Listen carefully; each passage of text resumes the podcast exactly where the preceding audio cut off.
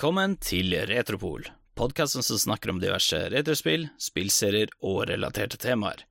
Jeg har vært nede hos Erlend, og med meg så har vi vår cohost Henrik. Alltid glad for å være her. Så Henrik, hva skal vi snakke om i dag? Nei, vet egentlig ikke. Jeg har eh, drevet og holdt på med litt eh, trening og litt aktivitet, egentlig. Greit å være litt i mosjon. Hm, det er godt råd. Det minner meg på Det fins faktisk et uh, Mario sportsspill på Nintendo Wii som ikke er Mario Golf eller Mario Tennis. Vet du hva jeg sikter til? Mm. Var det noen andre spill, Mario sportsspill på Wii, utenom det, den der re-releasen av Mario Tennis? Mario Sports Mix. Å oh, ja, jeg hadde helt glemt at det spillet eksisterte. Og det skal vi komme tilbake til på akkurat hvorfor til å begynne med, dette her er et spill som jeg egentlig ikke visste eksisterte. Det var eh, først når jeg så på YouTube fra eksempel The Irish Gamer som snakka om det, og det var sånn Mario Sports Mix, hm, det må jeg få tak i en gang, det er, det er jeg veldig nysgjerrig på. Så var det sånn der jeg drev og rydda litt på spillene, og så så jeg en dag at hei, vent nå litt, vi har Mario Sports Mix.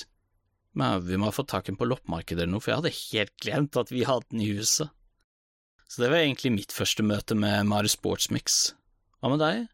Jeg, eh, du sa at jeg skulle prøve det, og så prøvde jeg det hos deg en gang. Mm. Det var sånn jeg eh, fikk spilt det. Slik spillet fungerer, er at det er en samling av fire sporter. Basketball, amerikansk kanonball, ishockey og volleyball. Og det er jo egentlig de sportene med de reglene vi kjenner til, men det som gjør dette spillet så unikt og artig, er jo det at det er jo diverse Mario-elementer lagt inn, altså at du kan få tak i items som eh, du kan bruke offensivt eller defensivt til å hjelpe dem å få poeng, eller så har du power-ups som gjør at uh, du kan aktivere en ability som gjør at uh, du kan da lettere få poeng da, enn motstanderne. Og det finnes jo òg en haugevis av forskjellige sånne ekstra minigame-varianter. Deriblant Feed Party, som da er basert på basketball. Der målet er å hive basketballer inn i munnen til PT Barana. Og den som har klart å fòre han mest, vinner. Så har du Harmony Hustle, der du da skal prøve å få volleyballen din til å treffe spesifikke ringer på banen for å få poeng. Så har du Bob-Omb Dodge, som da er en variant basert på kanonball der det er Bob-Omb som blir skjøtet ut av kanoner og omringer spillerne. Og de har da må prøve å unngå disse bombene her til det er last man standing. Og så har du min favoritt, som da er Smash Skate. Som da er en variant av ishockey, der målet er å slå andre motstandere ut av banen. Der du da enten har en isbane, der du skal få de ut av isen. Du har en sånn donut-forma jungelbane, der du kan målet er å slå det inne i midten av donuten for å slå de ut. Og så har du sånn lavabane som da ofte spruter ut lava og Og på en måte bare gjelder å slå de ut mot lava. Mm. I spillet så har du jo diverse karakterer som kan spilles som. Du har jo klassiske Mario-karakterer som Mario, Luigi, Varuba, Luigi, Peach, Yoshi, Toad, men så har du overraskende nok karakterer fra Final Fantasy, og karakterer fra Dragon Quest, deriblant Slime, Black Mage og White Mage. Og spørsmålet er jo hvorfor i alle dager er disse karakterene med? Og spillet ble utvikla av Square Enix, av alle ting. Det er litt sånn med det portefolioet som de har, så vil ikke du se for deg at eh, de er ansvarlige for et sportsspill med Mario. Men det er ikke den første crossoveren Square Enix har hatt med Mario. De har jo bl.a. lagd Fortune Street noen år tidligere, som da var et eh, monopolaktig spill bare med Mario og Dragon Quest-karakterer. Hmm. Og jeg har ingenting imot det, for alle unnskyldninger jeg har til å spille som slime, en god unnskyldning. jeg kan se den. Slik det også er med karakterene, avhengig av hvem du spiller som, så er det jo noen som kommer til å få power-ups uh, som hjelper deg på forskjellige måter. Avhengig av Altså, det er jo egentlig bare avhengig av hvem du foretrekker å spille som, og så er det liksom smak behag. og power-upsene hjelper deg på forskjellige måter. Men her er et veldig godt tips. Valuigi er kongen i dette spillet. Så det som er litt kult med power-ups, er jo det at de har eh, De er kanskje like mellom hvert forskjellige minigame. Men enkelte sånne power-up er jo forskjellige fra hvilken karakter du velger. Som gjør at de alle har sine styrker og svakheter. Og enkelte power-ups fungerer bedre i én game mode enn det de gjør i de andre. Så det kan ha en del påvirkning på hvilke karakterer du bør velge basert på game-moden som blir valgt. Så har de jo da selvfølgelig Valuigi. Det er fordi at Valuigi, grunnen til at han er så god i dette spillet, er rett og slett fordi at han får sånne Dr. Octopus-armer på ryggen, og da kaster han fire av en ball, for eksempel dodgeball, eller fire volleyballer. Og for å beskrive det på en veldig forståelig måte, se for deg det er jo om å gjøre å komme til fem poeng i volleyball. Begge lagene har elleve poeng hver, men så aktiverer Valuigi sin power-up, og så er han så heldig å få tak i fire poeng, at han treffer med alle de fire volleyballene.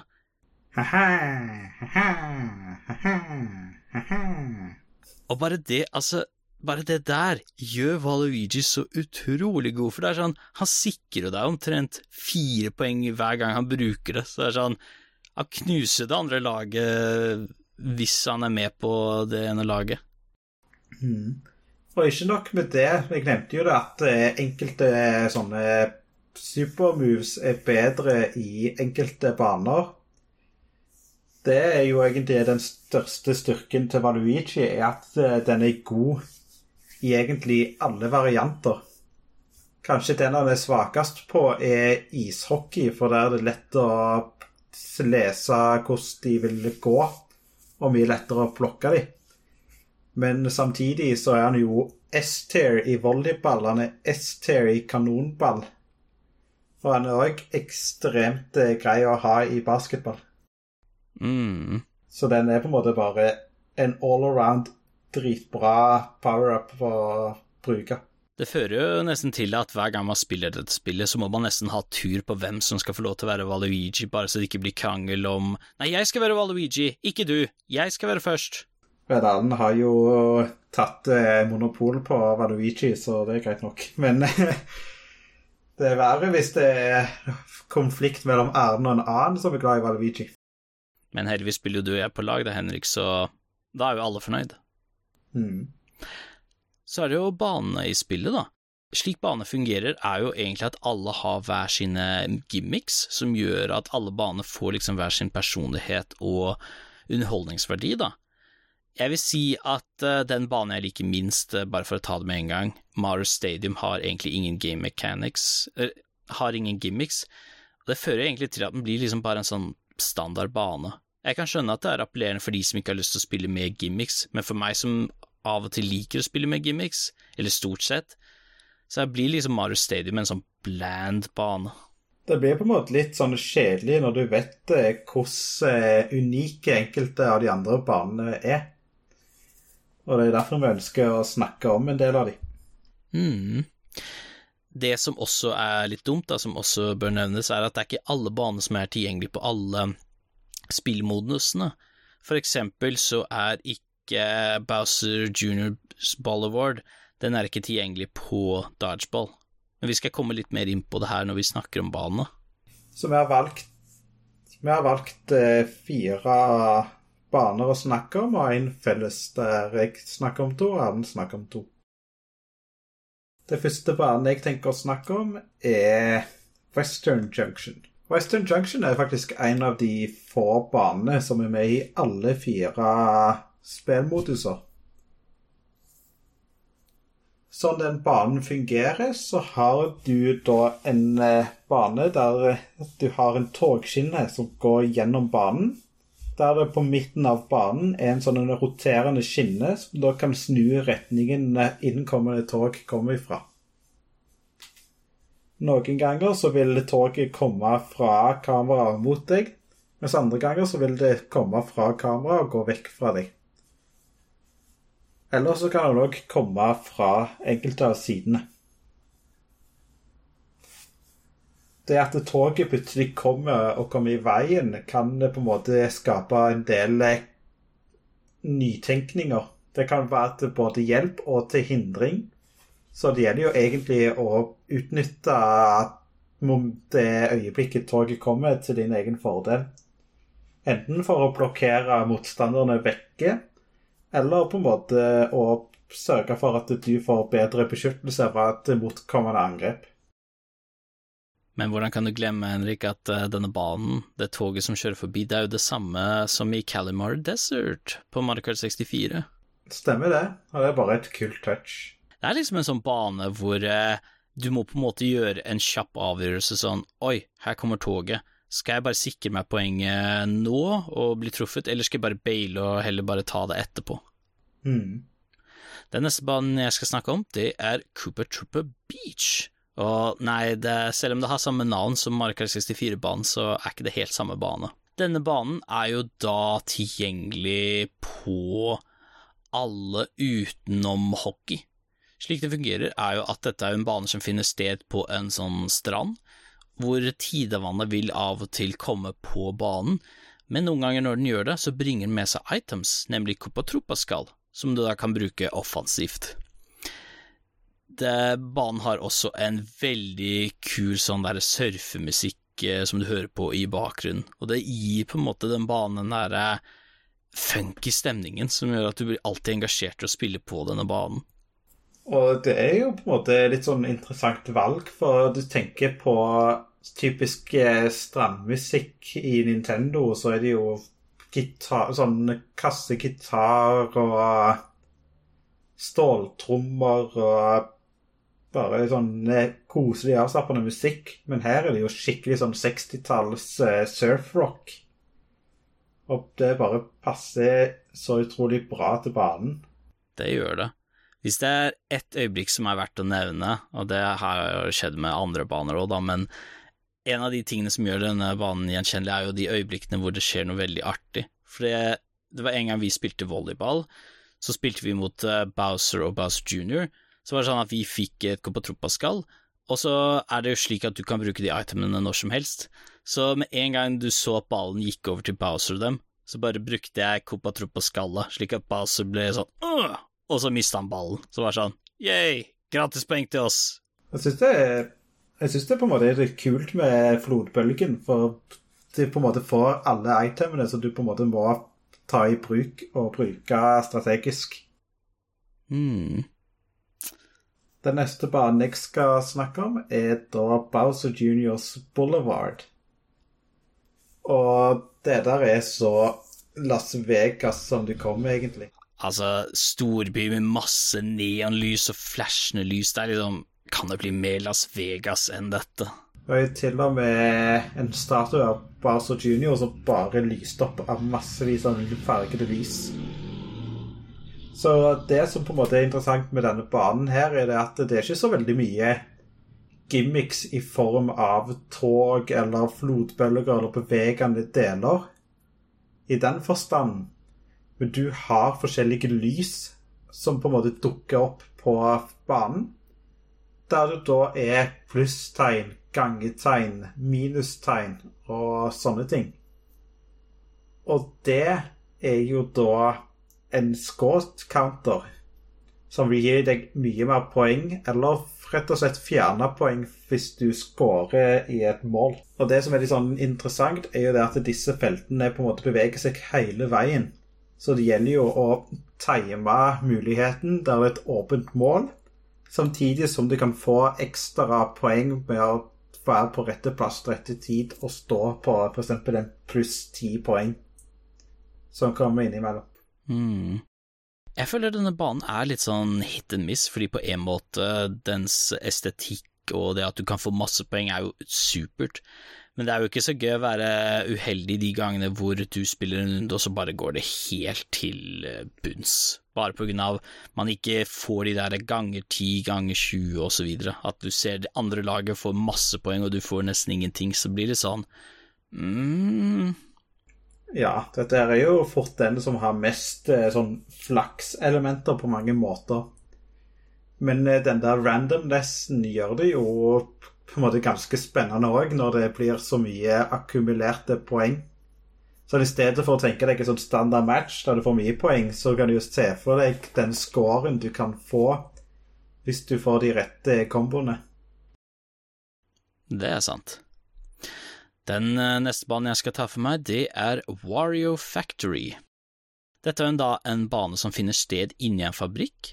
Alle spiller på et bevegende rullebånd, og gimmicken på denne banen er at det rullebåndet kan du bestemme om enten går i vanlig fart, saktere eller mye fortere, enten på din egen side eller på motstanderens side.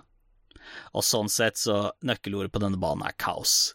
Det er så gøy å spille de der gangene når det går Først går det veldig sakte, så er det en som aktiverer panel, og så går det plutselig dritfort, så er det sånn wow!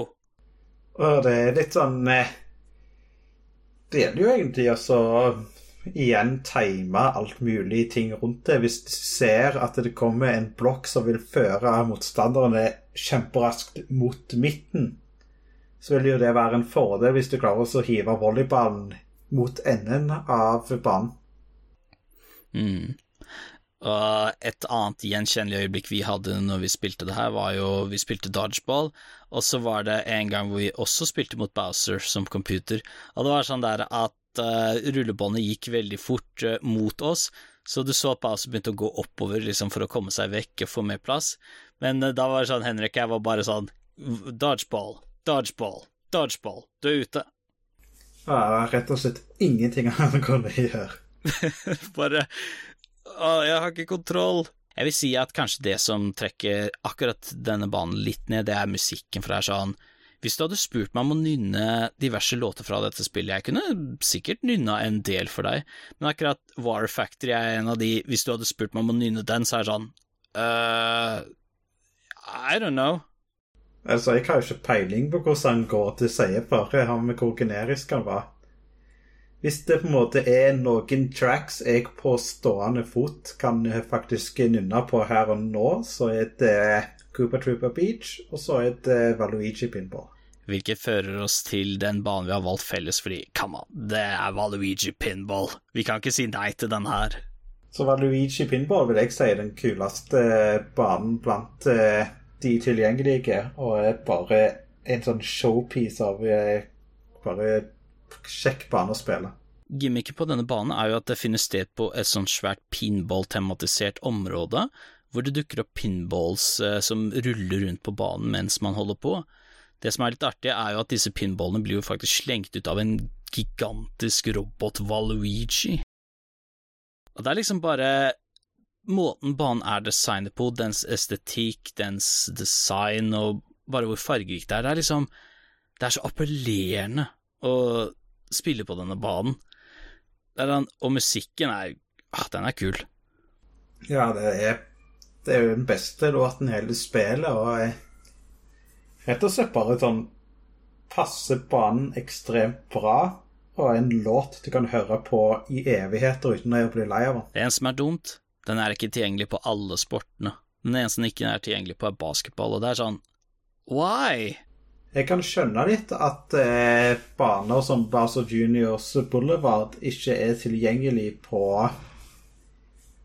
dodgeball, for hele gimmicken til den banen er jo at du står på felter som da gir deg mer eller mindre poeng dersom du scorer. Som gjør at det ikke egentlig fungerer noe særlig med dodgeball. Det eneste du kunne hatt, var at du sto på den ringen og gjorde mer skade på en motstander. Men eh, det blir litt sånn eh, meningsløst. Men Valuigi Pinball, derimot, den er jo, ville jo fungert i alle banene. Det er liksom en bane så kul som den her, med tanke på dens design og gimmick. Det er sånn Den her burde vært tilgjengelig på alle, uten tvil. Utenom det så er det liksom hva kan man si, spillet er jo veldig gøy. Det kommer så klart til å være smak og behag hvilke av sportene man liker best. Jeg vil si den jeg likte aller mest, det var uh, dodgeball, egentlig. Ja, dodgeball og volleyball syns jeg var gøy. Mm. Jeg tror den jeg likte minst var vel uh, hockey, men igjen, dette er veldig subjektivt, da, for det, det bare kommer an på hva man liker og ikke liker. Det er sånn det er. Men i det minste så har du fire game modes, så hvis du har lyst til å eksperimentere litt mer, så har jo du de fire eh, ekstra gamene du kan spille. Mm. Så det har en god blanding av eh, forskjellige spill, som da gjør det til et veldig allsidig og gøy partyspill. Så du kan ha det gøy med, sammen med venner og familie. Så sånn sett så er dette spillet absolutt verdt tida di, og, vil, og jeg vil anbefale på det sterkeste at du skaffer deg det. Det er iallfall et av de spillene som på en måte er ofte oversett på Vi, som alle dedikerte Vi-eiere bør vurdere å skaffe seg. Jeg tror det var fordi den kom ut så seint på Nintendo Wii sin uh, life cycle, så var det det at folk på en måte bare glemte det, egentlig. Ja, men jeg husker jo sjøl de siste Så rundt 2010 Det var ikke så veldig mange spill jeg kjøpte på Wii den aller siste tida. Det siste nye spillet jeg kjøpte til det, var jo Mario Party 9. Det var vel ikke de mest appellerende spillene som kom ut på Nintendo Wii da? Jo, de hadde jo Skyward Sword, som var gøy, men eh, det var ikke så veldig mye mer etter det. Nei. Vil bare minne om at vi er tilgjengelig på sosiale medier, deriblant Twitter at Retropol64. Og med det så er vår episode ferdig. Tusen hjertelig takk for at dere hørte på, og så snakkes vi. Ha det bra. Ha det bra, ja.